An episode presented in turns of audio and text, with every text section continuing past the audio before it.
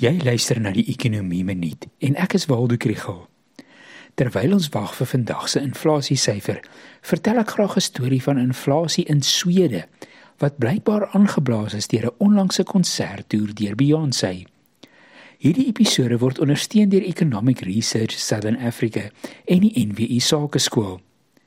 Die sanger het verlede maand haar wêreldtoer in Stockholm afgeskop met twee vertonings vir 'n stadion van 46000 mense elke aand. Die kaartjies was rondom 200 dollar per persoon, maar kaartjies vir latere datums in die FSA gaan al vir 2000 dollar per persoon. Die gevolg was dat internasionale aanhangers van die sanger op Stockholm toegesak het en die vraag na hotelverblyf het pryse so laat styg dit kan veroorsaak dat hulle inflasiekoers in plaas van 8,1% dalk 8,2% was in Mei maand.